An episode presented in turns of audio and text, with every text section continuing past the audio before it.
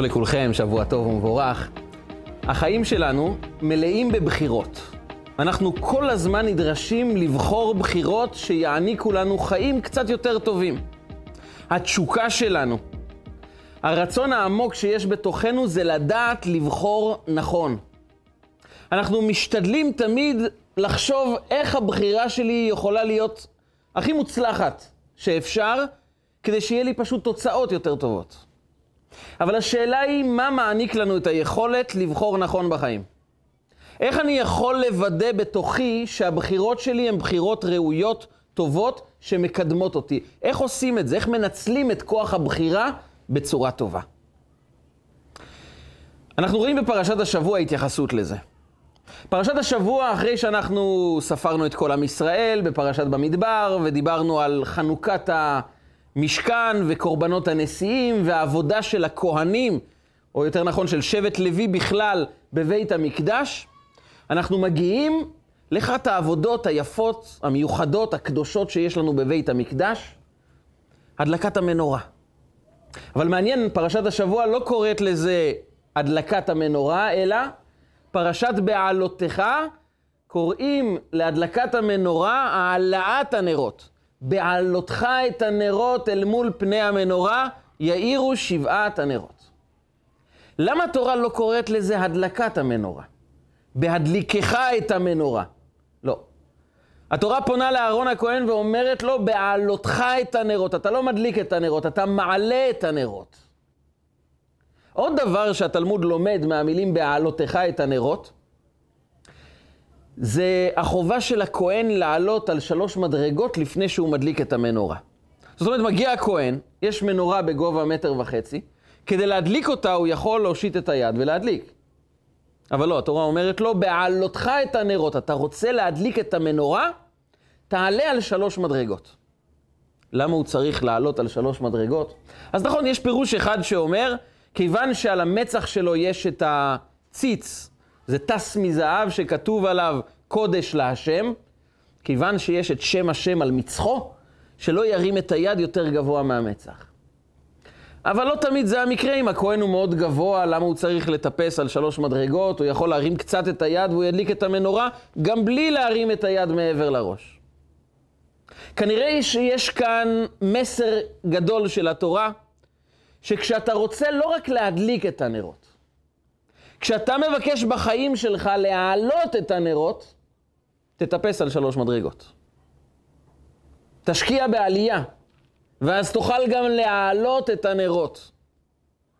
והמסר הזה הוא חשוב לא רק לכל אדם באופן אישי, אלא במיוחד לכהן, כי על הכהנים נאמר, על שבט לוי, יורו משפטיך ליעקב ותורתך לישראל. התפקיד של שבט לוי, שמתוכם באים הכהנים, זה להורות, ללמד, לחנך, להדריך. והמדריך, המחנך, ההורה או המורה, נדרשים לא רק להדליק את הילדים שלהם, לא רק להדליק את הנרות, אלא בעיקר להעלות את הנרות. והשאלה היא, מהי אותה עלייה? דבר נוסף מוזר שיש לנו בפרשת השבוע, משה רבנו פונה לקדוש ברוך הוא ומודיע לו שהוא לא יכול להמשיך לבד להנהיג את העם הזה. אין לו שום אפשרות, הוא קרס. מה היה הסיפור? הסיפור הוא שבני ישראל מתלוננים, או יותר נכון מתאוננים. על מה הם מתלוננים כל כך? אז דבר ראשון, למה הדרך ארוכה? למה אין מנוחה? דבר שני, למה אין בשר? אנחנו רוצים לאכול בשר. עכשיו, הביאו להם משמיים את המאכל הטעים ביותר. כל העולם השתוקקו באותה תקופה לטעום איזה טעם קטן מהמאכל שנקרא המן. המן ירד מן השמיים, היו בו את כל הטעמים שבעולם. היה לו טעם נפלא, טעם מיוחד, ובני ישראל באים ואומרים, נמאס לנו, רוצים בשר. טוב, גם אם נבין מעט את בני ישראל ונאמר, הם רוצים בכל אופן בשר, הם רוצים לראות בשר. למה התגובה הקיצונית של משה רבנו? משה רבנו ניגש לקדוש ברוך הוא ואומר לו את הדברים הבאים. איך אני יכול לשאת את העם הזה לבד? אני לא יכול. האנוכי הריתי את העם הזה. אני הייתי מי שהוליד את העם הזה. שאתה מבקש ממני, תנהיג את העם. תגדל אותו כאשר יישא האומן את היונק. אני לא גידלתי אותו, אני לא הולדתי אותו, אני לא בחרתי להביא אותו. למה אתה עושה לי את זה? למה אני צריך לסבול בחיים שלי עם עם כזה, שמתלוננים למה אין להם בשר? והוא מסיים ואומר, הקדוש ברוך הוא, אם אתה לא יכול לעזור לי בזה, בבקשה, הורגני נהרוג, קח אותי מפה. אני לא יכול לראות, לא יכול לסבול את זה יותר. והקדוש ברוך הוא מבין אותו. הקדוש ברוך הוא אומר למשה רבנו, בסדר, אני מבין, זה מאוד קשה בשבילך. תאסוף לי 70 איש מזקני ישראל, והצלתי מן הרוח אשר עליך, אני אקח מהקדושה שקיימת בך ואני אפזר אותה על ה-70 איש מזקני ישראל, והם יעזרו לך ונשאו איתך, הם ינהיגו את עם ישראל ביחד איתך. לא תהיה אחראי בלעדי, לא כל האחריות תהיה עליך, יהיו אנשים שיעזרו לך. וכאן אנחנו קוראים את הסיפור הזה ולא מבינים. משה רבנו נשבר בגלל שחלק מעם ישראל רוצים בשר. הרי בחטא העגל, שזה החטא החמור ביותר של עם ישראל, אחרי שבני ישראל ראו התגלות אלוקית, ראו את אלוקים, התגלה אליהם. אתה הוראת לדעת כי השם הוא האלוקים. ואחרי כמה ימים הם יוצרים עגל מזהב, רוקדים סביבו ואומרים, אלה אלוקיך ישראל, אשר העלוך מארץ מצרים. זה האלוקים שלנו. עכשיו, כל אדם אחר היה מתייאש מעם ישראל. תראה, גם כשמראים לכם את אלוקים, אתם ממשיכים לעבוד עבודה זרה. מה יצא מהעם הזה? אפילו אלוקים אומר למשה רבנו, אני אמחה את העם הזה ואעשה ממך עם חדש. מה משה רבנו מגיב? משה רבנו, עם כל הכוחות, אומר לקדוש ברוך הוא, אני לא מוכן. אני נלחם עבור העם הזה כל עוד שאני חי. אני מבקש ממך, הקדוש ברוך הוא, כי עם קשה עורף הוא, וסלחת לעווננו ולחטאתנו ונחלתנו, תמחה לעם ישראל. ואם אתה לא מוחל להם, אז מחני נא מספרך, אני לא מוותר על העם הזה. אני נלחם עבורם. הוא מתפלל, מתפלל בלי הפסקה. עד שמגיע היום הזה, שלדורות הוא ייחרט כיום הכפרה של עם ישראל, יום הכיפורים, והקדוש ברוך הוא אומר למשה רבנו, סלחתי כדבריך. נלחמת, ביקשת, התאמצת, סלחתי כדבריך. משה רבנו בחטא החמור של חטא העגל, שזה חטא שהוא בעצם מרידה ישירה בקדוש ברוך הוא. וכזה דבר בוודאי שבר את משה רבנו. אבל הוא לא התייאש. הוא לא אמר, אלוקים, למה אני צריך את העם הזה? מה עשיתי לך? למה אני צריך להנהיג עם של עובדי עבודה זרה, אחרי שהראיתי להם אותך, אחרי שאתה התגלית על העם הזה? משה רבנו לא מתייאש. משה רבנו לא נשבר. משה רבנו נלחם בשביל העם הזה. אבל כשהם מבקשים בשר, משה רבנו נשבר. והקדוש ברוך הוא מקבל את זה ואומר לו, בסדר, אז תאסוף 70 איש מזקני ישראל והם יעזרו לך. מה הסיפור הזה מסתיר בתוכו? מה שבר כל כך את משה רבנו? וכל הדברים קשורים לנקודה אחת. נקודת הבחירה. כשאנחנו דנים על הכוח שלנו לבחור, אנחנו דנים בכוח המשמעותי ביותר שיש לנו בחיים. כי הבחירה זה לא בחירה כמו שבהמה בוחרת לברוח או להגיע למקום שיש לה מזון, זו לא בחירה. זה טבע של בהמה שבורחת מסכנה ורודפת אחרי הנאה, תענוג או מזון, כל דבר שיכול לעזור לה. זה חלק מהטבע שלה. בחירה זו יכולת גבוהה יותר של להחליט מה נכון ומה לא נכון. של יכולת להחליט איך אני משתמש בכוחות שלי. יכול להיות שהדבר אולי קשה עבורי, אבל אני יודע שזה אידיאל נכון, גבוה, צודק, אמיתי, בעל ערך. אז אני הולך, אני עושה אותו. כי כוח הבחירה שלנו זה הבחירה להיות גבוה יותר ולנצל את כל המשאבים שקיימים כאן בעולם. את השכל, את המידות, את הכוחות שיש בי, להפוך אותם לכלי רב עוצמה שיכול להניע אותי ואת העולם קדימה, או ההפך, לבחור ברע. ואז העולם הופך לקטסטרופה עולמית. אנחנו יודעים שבני האדם ביצעו את הפשעים הגדולים ביותר, שלא קמה חיה רעה, כמה שהיא תהיה רעה, שביצעה כאלה פשעים. הבהמות לא יצרו תאי גזים. החיה הכי גרועה, טרפה בהמה, עוד בהמה, עוד בהמה. היא רצתה לאכול, רצ... זה הטבע שלה. היא לא יצרה מערכת השמדה המונית. זה רק בני אדם יצרו, בכוח הבחירה. אבל בני אדם גם יכולים לייצר את הדברים הרוחניים הגבוהים, העמוקים ביותר שיש. ויקטור פרנקל, הפסיכיאטר המפורסם מווינה, מי שייסד את הלוגותרפיה, הוא אמר פעם במשפט אחד, הוא הגדיר את שני הקצוות האלו של בני האדם. הוא אמר, בני האדם זה אלו שיצרו את תאי הגזים. אבל בני האדם זה גם אלה שנכנסו לתוכם וצעקו שמע ישראל, השם אלוקינו, השם אחד. בני האדם זה כאלה שיכולים לייצר מערכת השמדה המונית, ובני אדם זה כאלה שהמערכת הזאת לא יכולה לפגום בנשמתם, לא יכולה להרוס את האמונה שלהם. הם גבוהים יותר מכל משבר שיהיה קיים בעולם, הם גבוהים יותר בכוח הבחירה שלהם. הבחירה לבחור בגבוה, לבחור באמיתי, בערכי, באלוקי. ודווקא בגלל שהכוח הזה הוא כל כך כל כך חשוב, הוא בעצם הכוח שדרכו העולם שלנו יכול להיות או מאוד מאוד טוב, או מאוד מאוד רע. אנחנו חייבים להבין אותו לעומק. וכדי להבין לעומק את כוח הבחירה שלנו, נשאל שאלה קטנה. האמת היא שכל אחד ואחד מאיתנו צריך לשאול את עצמו את השאלה הזו יום-יום. נשאל את עצמנו את השאלה הבאה. נעצור רגע את כל המרדף אחרי כל העיסוקים ושיעורי הבית שיש לנו וכל המטלות שמונחות לפתחנו. נעצור את הכל רגע ונשאל את עצמנו שאלה אחת. היום אני יותר טוב מאתמול, אותו דבר או יותר גרוע? היום אני יותר טוב, אדם יותר טוב, אני יכול להצביע על משהו בי יותר טוב היום מאתמול, אותו דבר או יותר גרוע. ועוד שאלה. היום ולפני חודש, מה השתנה בי? מה יותר טוב בי, פחות טוב בי, אותו דבר? איך אני ביחס ללפני חודש? ושאלה אחרונה, היום ולפני שנה, מה השינוי הגדול שעבר עליי? אתם יודעים שרואים ילד בן חמש ופוגשים אותו חמש שנים מאוחר יותר, רואים שני בני אדם.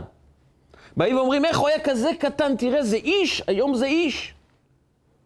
הוא גדל, השכל שלו התפתח, הידע שלו צמח. הוא גדל. הוא גדל רוחנית, הוא גדל פיזית, הוא השתנה מאוד, זה שני בני אדם כמעט. אבל מגיע איזה שלב בחיים שאדם מגיע לגיל 25-30, ואז עוברים חמש שנים, ומה השינוי הגדול? במה הוא השתנה חמש שנים? בין 30 ל-35, 35 ל-40, 40 ל-45, מה השינוי הגדול? חוץ מעוד כמה קילוגרמים שהתווספו. ואם נשאל את רוב בני האדם, רובם יגידו, נכון, נשארתי אותו דבר. וכאן הטעות הגדולה. הטעות הגדולה לא בגלל שלא השתננו לטובה, זה טעות אחת. הטעות הגדולה זה שאנחנו עדיין חושבים שנשארנו אותו דבר. וכאן סוד הבחירה. אדם שבחר לא להתקדם, הוא לא נשאר אותו דבר, הוא יידרדר. הבחירה היא לא בין להישאר במקום לבין לצמוח, אלא הבחירה האמיתית היא בין לצמוח לבין להידרדר. אין מציאות של אמצע. המציאות של אמצע היא כביכול מחשבה, מסך עשן, איזה פיזור הנפש כזה שאומר לנו נשארנו אותו דבר, אבל אין יכולת להישאר באותו מקום. כי האדם הוא אנרגיה, האדם הוא כוח.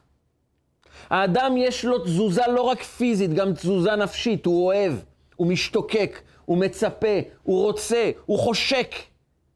והאנרגיה הזאת זזה, מתקדמת, היא פועלת.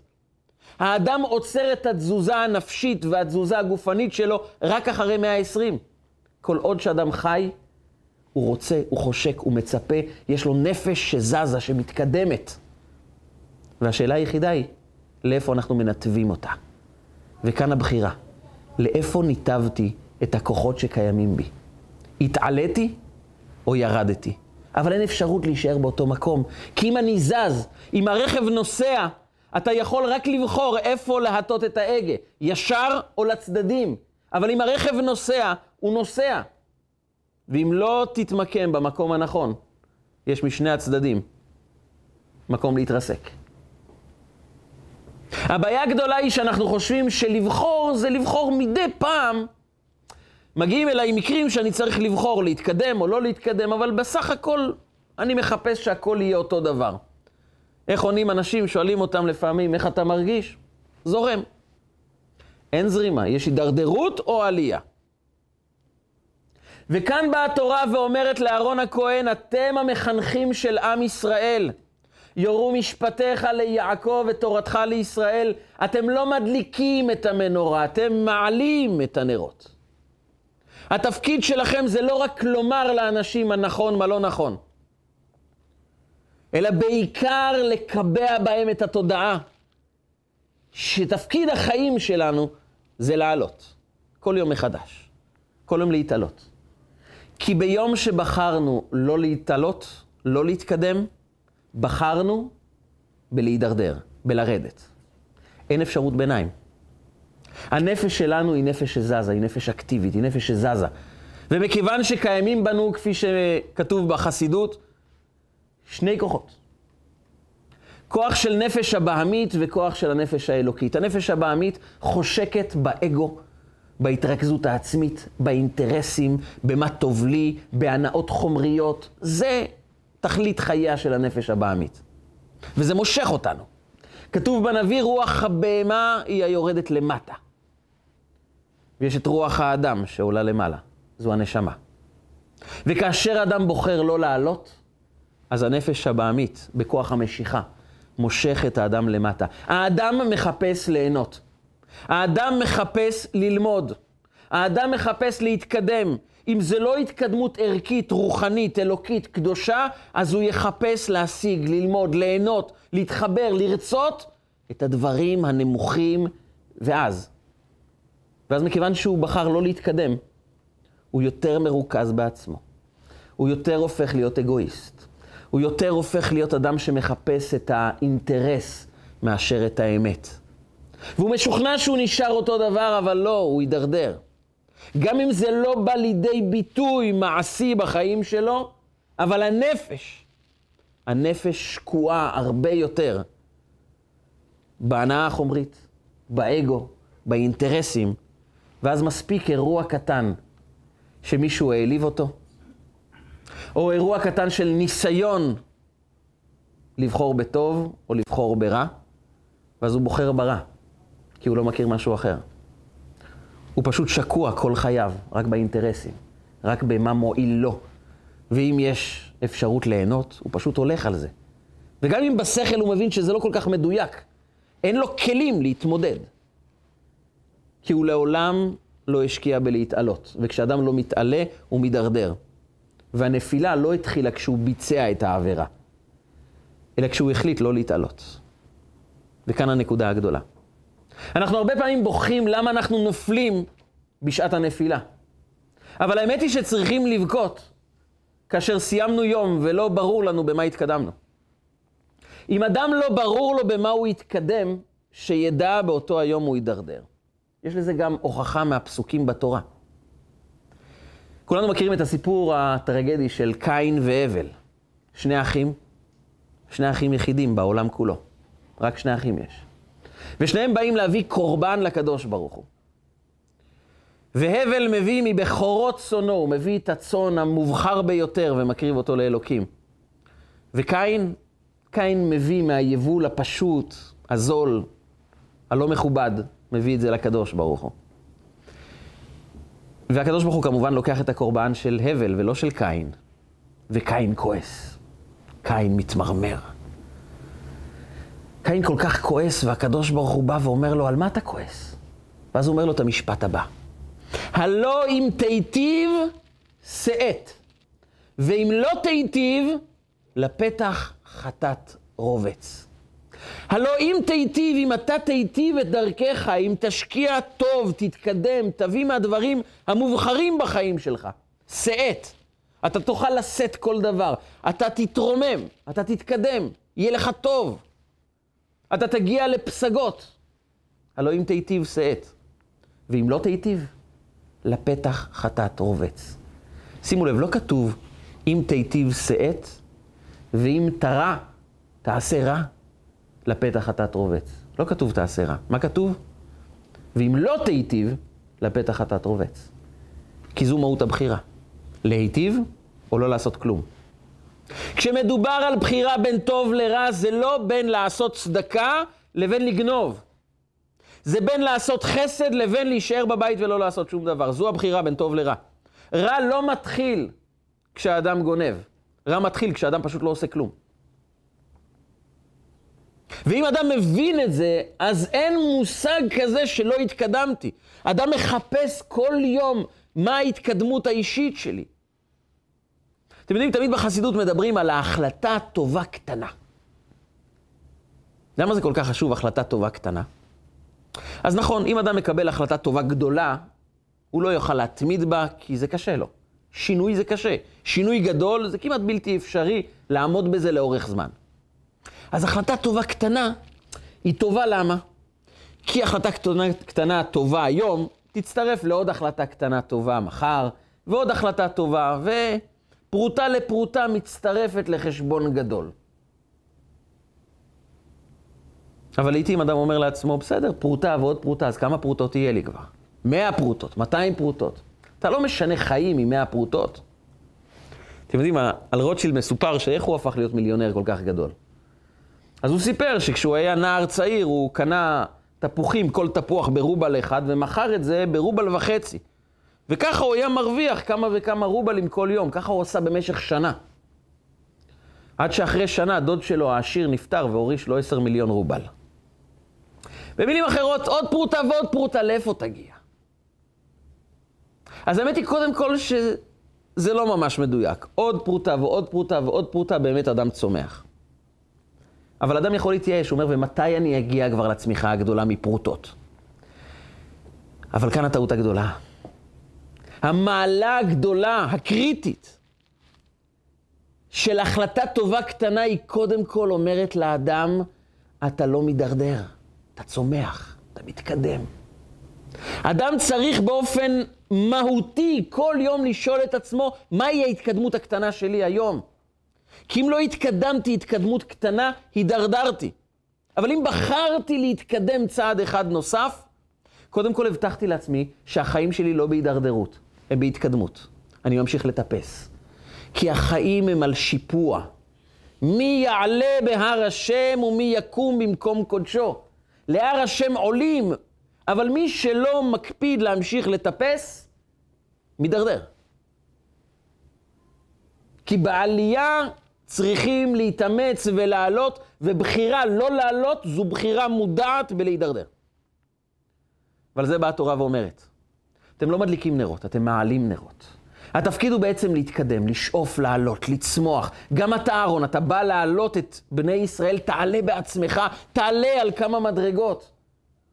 התשובה היא שהקדוש ברוך הוא מבקש מכל אחד ואחד מאיתנו, כוח הבחירה תלוי בהבנה. הכל כך יסודית, שחיים טובים עם בחירה נכונה, זה קודם כל לבחור ולהתקדם. ואם אדם כל הזמן מטפס, כל הזמן מתקדם, אז הוא יודע לבחור כל רגע ורגע בדברים הנכונים. ואז, אז הדברים הטובים, המהותיים, האמיתיים, הקדושים והטהורים, הם מוחשיים אצלו בחיים. והוא יודע לזהות אותם, הוא יודע לבחור בהם. והוא לא כל פעם מידרדר, ורק אומר לעצמו, אני בוחר בזה כי זה טוב, אבל האמת שהוא בחר בזה, כי הוא כל כך רגיל להישאר במקום, להידרדר, ולהיות מרוכז בעצמו ובאינטרסים, באגו, בכעס ובפחדים שלו, שהוא בוחר ברע ומשוכנע שהוא בחר בטוב. כמה אנשים עושים דברים לא טובים, ויש להם הסברים בק"ן טעמים למה זה היה נכון ולמה זה היה מוצדק, והייתי צריך לפגוע בו, להראות לו. אבל זה נובע מהעובדה שפשוט לא בחרנו לצמוח, לא בחרנו להתקדם. וזה המסר של המחנך. המחנך בעצמו מתקדם. מחנך צריך לשאול את עצמו רגע לפני שהוא מבקש מהילד, תלמד יותר טוב אולי בבית הספר, אולי תשפר את ההתנהגות שלך, אולי תהיה ילד קצת יותר מכבד את ההורים. אז האמת היא שאהרון, לפני שהוא מעלה את הנרות, הוא בעצמו עולה. הוא בעצמו שואל את עצמו, רגע, אני התקדמתי? מה הצמיחה האישית שלי? וכשהוא צומח, הוא יכול להצמיח. כשהוא גדל, הוא יכול לגדל. כשהוא עולה, מתעלים איתו ביחד כל המשפחה. וכאן הרובד השני. תראו, הרבה פעמים בני האדם לא יודעים מאיפה זה מגיע להם, אבל פתאום זה מציף אותם. פתאום אישה מתעוררת בכעס על חמותה, על מה שהיא עשתה לה לפני עשר שנים. פתאום זה מציף אותה. היא לא מבינה מאיפה זה הגיע, אבל היא חווה את הכעס פתאום בעוצמות, לא יודעת מאיפה זה מגיע לה. פתאום היא כועסת על בעלה, על מה שהוא עשה, פתאום בני האדם כל כך נמאסים עליה, והיא שואלת עצמה, מה מציף אותי רגשית כל כך הרבה?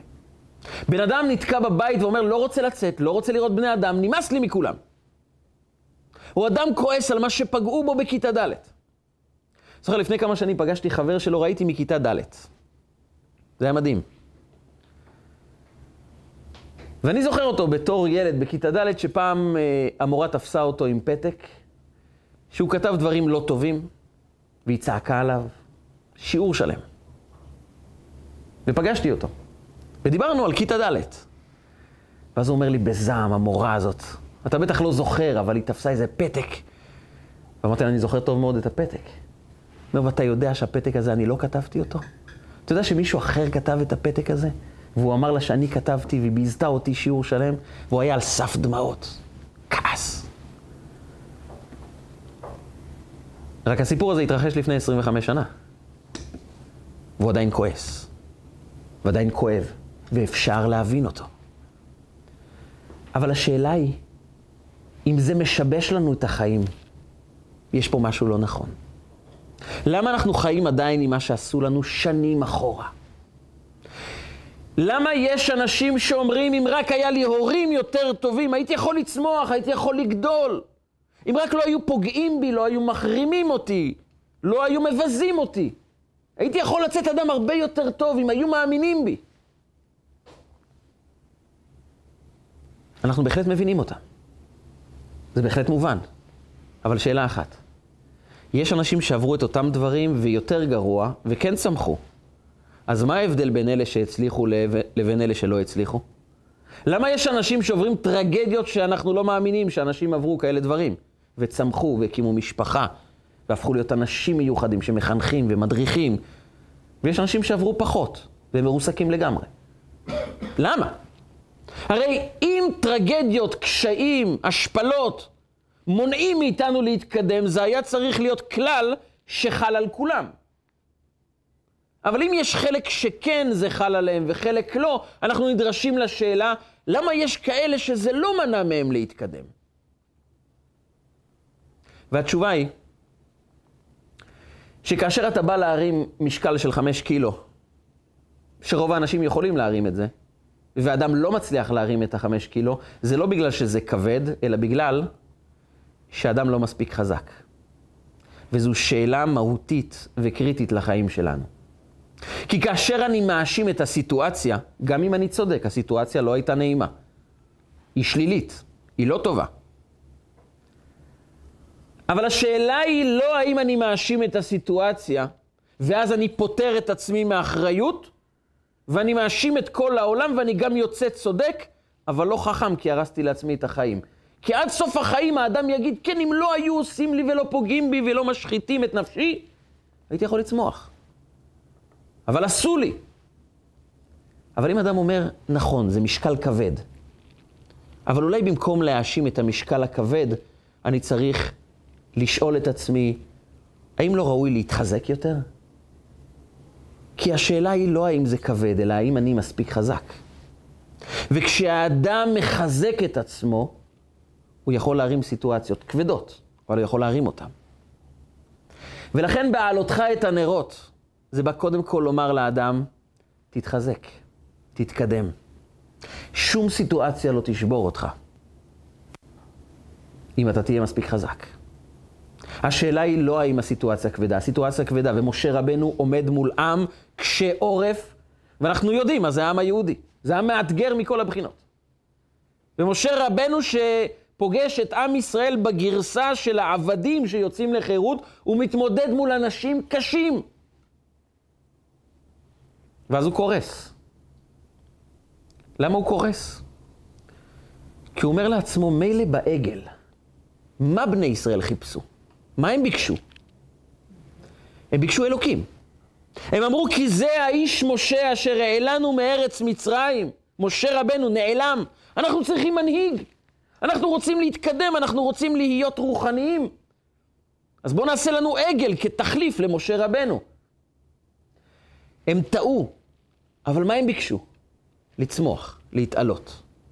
אומר משה רבנו, עם עם שרוצה להתקדם, אני פה. זו טעות, אני אתקן את הטעות. אבל יש עם מי לדבר, יש אנשים שרוצים לצמוח, להתקדם, מחפשים רוחניות. עד שהוא פוגש את האנשים שמתאוננים למה אין סטייקים. וזה הוא לא מצליח להבין. תגידו, מה חסר לכם? אומרים בשר, רוצים על האש, זה מעניין אותנו. ותגידו, קיבלתם תורה, יש לכם יעד רוחני, אתם עם קדוש. מה חסר לכם? רק בשר? הוא אומר לו, כן, אנחנו רוצים בשר וטעים. הוא אומר לקדוש ברוך הוא, אני לא מסוגל יותר. אין לי, אין לי תקשורת עם העם הזה. הם לא מחפשים שום צמיחה, אין להם שום בהעלותך את הנרות, הם מחפשים רק לשקוע בתאוות וכמה שיותר. איך אני יכול לעשות? מה אני יכול לעשות עם העם הזה? זה שבר את משה רבנו. משה רבנו מוכן להתאמץ ולעשות כל מאמץ, אבל הידרדרות כזו, הוא לא ידע איך להכיל אותה. וכאן תשובתו המדהימה של הקדוש ברוך הוא. הוא אומר, בסדר, אתה לא יכול? אני מבין אותך. זה באמת מאתגר, כי אדם רוחני כמו משה רבנו, שכל חייו הוא שואף רק לעלות, הוא פתאום פוגש עם שלא מחפש בכלל להתעלות, רק להידרדר, הוא מחפש רק בשר. הוא אומר לו, אז תאסוף 70 איש מזקני ישראל, והצלתי מן הרוח אשר עליך, ואני אשים את הרוח אשר עליך בשבעים הזקנים, והם יעזרו לך. וכאן שואל האור חיים הקדוש, אני לא מבין.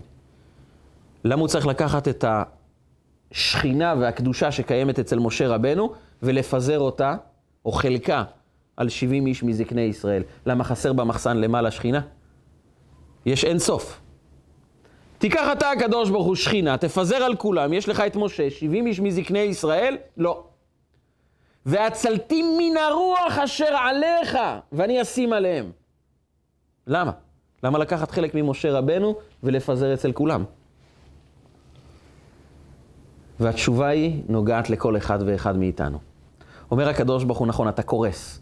זה אולי אתגר הקשה ביותר שעמדת בו בימי חייך, אני מבין.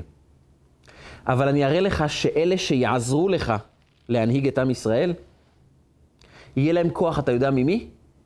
מן הרוח אשר עליך. כי היה בך את כל הכוחות להצליח. זה קיים בך. לא תקבל לעולם מלמעלה מסע שאתה לא יכול להרים אותו. לעולם הקדוש ברוך הוא לא ייתן לך ניסיון שלא תוכלי לעמוד בו. תמיד יש את כל הכוחות. אתה לא האמנת, משה רבנו, לא האמנת. אז אני אראה לך, והצלתי מן הרוח אשר עליך.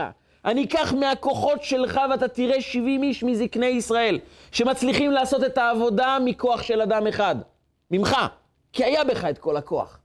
ואם היית רק מאמין שיש בך את הכוח, היית עושה את העבודה. אבל עכשיו מאוחר מדי, עכשיו תיקח 70 איש מזקני ישראל, ואתה תראה את הכוח שלך פועל דרך 70 איש מזקני ישראל. יש לי מספיק רוחניות לתת, אבל אני רוצה ללמד אותך, ובשיעור הזה אני גם אלמד את כל עם ישראל, שיש לכם את כל הכוחות להצליח. כשאדם מלא בפחדים, בכאבים, בלחץ, באמירות של למה עשו לי ולמה פגעו בי, זה איתות מלמעלה שהנפש לא מספיק גבוהה, הנפש לא מספיק חזקה. לא השקענו בצמיחה ולכן זה מציף אותנו, כי אנחנו מדי קטנים. לא גדלנו. בעלותך את הנרות, אומר הקדוש ברוך הוא, תתעלו, תתקדמו. אדם לוקח לעצמו בכל יום התקדמות קטנה בארבע רבדים. הרובד הראשון זה הגוף, בריאות הגוף. הוא לוקח עניין קטן שהוא הולך לפתח את הגוף שלו קצת יותר טוב, להשקיע באוכל בריא, להתעמל, להתקדם. במה שהוא קטן, העיקר לא להידרדר. להתפתח, לגדול. התורה מבקשת מאיתנו לצמוח גם מבחינה רוחנית, בלימוד התורה, במידות שבלב ובצמיחה רוחנית כללית. אדם קם בבוקר, הוא נדרש להתפלל, לפני שהוא עושה כל דבר אחר בחיים. זו מתנה מלמעלה. התפילה זו המתנה הגדולה ביותר שאדם יכול להעניק לעצמו. כי לפני שהוא יוצא להתמודדות מול העולם, הוא קודם כל הופך לגדול. הוא קודם כל נדבק בגדולה. הוא פתאום עוצר וחושב, הודו להשם, קראו בשמו. מישהו ברא אותי, מישהו אכפת לו ממני, מישהו משגיח עליי, מישהו מסתכל עליי. יש כוח של אמת בבריאה. הוא פתאום רגע מתנתק מהרובד הנמוך של החיים ומתעלה, צומח. אומרת ההלכה, אחרי תפילה האדם ניגש ללימוד התורה, ואז המוח שלו מתקדם, הוא למד, הוא מתבונן, הוא משיג. הוא השקיע בלימוד שלא רק הקשבה פסיבית, אלא הוא התאמץ להבין, לחזור, לשנן, ללמוד, להעמיק. ואדם בכל יום צריך שיהיה לו יעד קטן בשיפור המידות. אדם כעסן יודע היום, דקה אחת, אני אתגבר על הכעס. כי אז אני צומח, אז אני גדל. ואם אדם גדל גם ברובד הפיזי, הוא משקיע בעצמו, הוא מתפתח. ברובד הרוחני הוא גם למד יותר, בכל יום הוא משקיע בלימוד. בכל יום הוא משקיע בהתפתחות נפשית של התגברות על המידות, שיפור המידות. וחוויה רוחנית, הידבקות במה שהוא גדול, רוחני. הוא מתפלל, הוא משתוקק, הוא גבוה, הוא, הוא צומח, הוא מדבק בקדוש ברוך הוא ברמה כזו שהוא מרגיש שאני הופך להיות גדול יותר. אז אין סיבה שיציפו אותו כל הכאבים וכל הכעסים, כי הוא כל כך גבוה, שזה כבר לא תופס מקום, שזה כבר לא משמעותי בחיים שלו, הוא גבה. וכשאדם חש שהמחשבות מציפות אותו, שפתאום הוא כועס כל כך על כל האנשים סביבו, זה פשוט איתות מלמעלה. תגדל, תצמח. ואני רוצה לסיים בדבר אחד. האויב הגדול שלנו אולי בחיים המודרניים זה הלחץ. אנחנו לא מפסיקים להיות לחוצים. ולכן אנחנו בורחים מהלחץ. לכן אנחנו בבחירות שלנו תמיד בוחרים בדבר הכי קל, הכי מהיר, הכי מהנה. זה הבחירה שלנו. אנחנו בורחים מכל דבר שהוא קשה, הוא דורש מאיתנו מאמץ ולהיכנס לתהליכים. אנחנו לא אוהבים את הדברים האלה. אבל האמת היא שכאשר אנחנו בוחרים להתעלות, זו בחירה במאמצים, בכן. לקבל על עצמנו גם מימד של לחץ. הלחץ הוא לא אויב, הלחץ במינון הנכון הוא ידיד. הוא דורש מאיתנו לצמוח, הוא דורש מאיתנו להפעיל אנרגיה, לחדור למקומות עמוקים יותר בחיים שלנו. אני אתן לכם דוגמה. אחד מהרבנים הגדולים שנפטרו בשנה האחרונה היה הרב הדין אבן ישראל שטיינזלץ. הוא היה אדם גאון, גאון ברמה עולמית. הוא עסק בפרויקטים בלתי נגמרים. הוא תרגם את כל התלמוד הבבלי, ביאר את כל התלמוד הבבלי, את הרמב"ם, את התנ"ך, הוא הקים ישיבות. הוא היה אדם שעסוק בעשרות מיזמים חשובים, בהשקעה אינסופית בהמון המון תחומים. והוא סיפר פעם על התשובה האחרונה שהוא קיבל מהרבי מלובביץ'. הוא כתב לרבי מלובביץ', חוץ מעשרות המיזמים שאני שותף בהם והמטלות הבלתי נגמרות שיש לי בחיים, יש לי עוד שלושה פרויקטים ענקיים, גדולים, שאני עסוק בהם, אבל אני כבר לא יכול. אני צריך לוותר על איזה פרויקט, כי אי אפשר להמשיך ככה. כל פרויקט הוא חשוב בפני עצמו, שהרבי מלובביץ' יחליט, יכריע איזה פרויקט מורידים. אני לא יכול להחליט על דעת עצמי. והתשובה שהוא קיבל, כך הוא סיפר, זה שהרבי אמר לו, תמשיך בכל מה שאתה עושה. תמשיך הלאה. ותראה מפעם לפעם גם להוסיף כמה דברים. הוא אמר, תשובה כזו הוא לא ציפה. ואז הוא הסביר לעצמו את התשובה הזו מתחום הפיזיקה, וככה הוא אמר. כלומר, אתם יודעים, אתם יודעים שדוחפים דברים לתוך קופסה, מנסים לדחוס, ועוד לדחוס, ועוד לדחוס, ובסופו של דבר אין מקום. אתם מכירים את אנחנו יוצאים לטיול ודוחפים בבגאז' עוד דברים, עוד דברים, ואז זה לא נסגר. אתה מבין שאתה צריך להוציא משהו. אבל בפיזיקה יש משהו מעניין. העובדה שהחומר לא יכול להיכנס בתוך הכלי זה רק בגלל שהלחץ הוא מינימלי. אם תפעיל לחץ פי 8,000 או פי 10,000, החומר עובר תהליך של התפרקות ובנייה מחדש. ואז אתה יכול להכפיל את כמות החומר שנכנסת בתוך הקופסה. כי לחץ גבוה יותר מהרגיל הופך את החומר לחומר חדש. אומר, וזו הייתה תשובתו של הרבי אליי. כשיש לך לחץ, שאתה לוקח על עצמך פרויקטים יותר ממה שאתה חושב שאתה יכול, קצת יותר. הלחץ הזה הוא לא אויב, הוא לא שובר. הוא מפרק את המוגבלות שלנו ומציב אותנו ברמה גבוהה הרבה יותר, שאנחנו יכולים להכיל יותר, לצמוח יותר. הוא אמר שבכוכבים, לפי חלק מהמדענים, יש כוכבים שהחומר שלהם הוא חומר שאולי סנטימטר על סנטימטר מהחומר של הכוכב שוקל טון. כי החומר דחוס ברמה מקסימלית. כי בתוך סנטימטר אתה יכול להכניס משקל עצום. השאלה היא כמה אתה מוכן לקבל לחץ. ולחץ ענק יוצר כלים הרבה יותר חזקים. האדם לא צריך לפחד מהלחץ, או להילחץ מהלחץ. הפוך, הלחצה זה אותיות הצלחה. ההצלחה שלנו היא גם תלויה במידת המוכנות שלנו, גם להילחץ מעט. גם לקרוא בשם של הלחץ זה לא אויב, אלא אני קורא לו ידיד, שבא לגלות בתוכי את האפשרות להפוך להיות כוכב גבוה יותר. את המוכנות בתוכי להכיל הרבה יותר ממה שאני באמת. כי אם אדם מוכן לקבל על עצמו, בהעלותך את הנרות, להעלות את סף הלחץ, את סף המאמצים, כמובן במינון ראוי, אבל לא להישאר בתחום הנוחות, תמיד לחפש מעט יותר. בהעלותך את הנרות, הופך אותנו לאנשים שיכולים לעשות הרבה יותר. לגלות את הכוחות העצומים האינסופיים שקיימים בנו, את הרוח אשר עליך, כי בכל אחד מאיתנו יש רוח עצומה. אם רק נשקיע במאמצים יומיומיים, בהתקדמות יומיומית, נגלה את העוצמה הגדולה שקיימת בנו. ונגלה גם את הרוח של הקדושה האמיתית, שקיימת בתוך העולם הזה. שתתגלה כאשר כל אחד מאיתנו יהפוך להיות אדם טוב יותר, אדם שמתעלה יותר.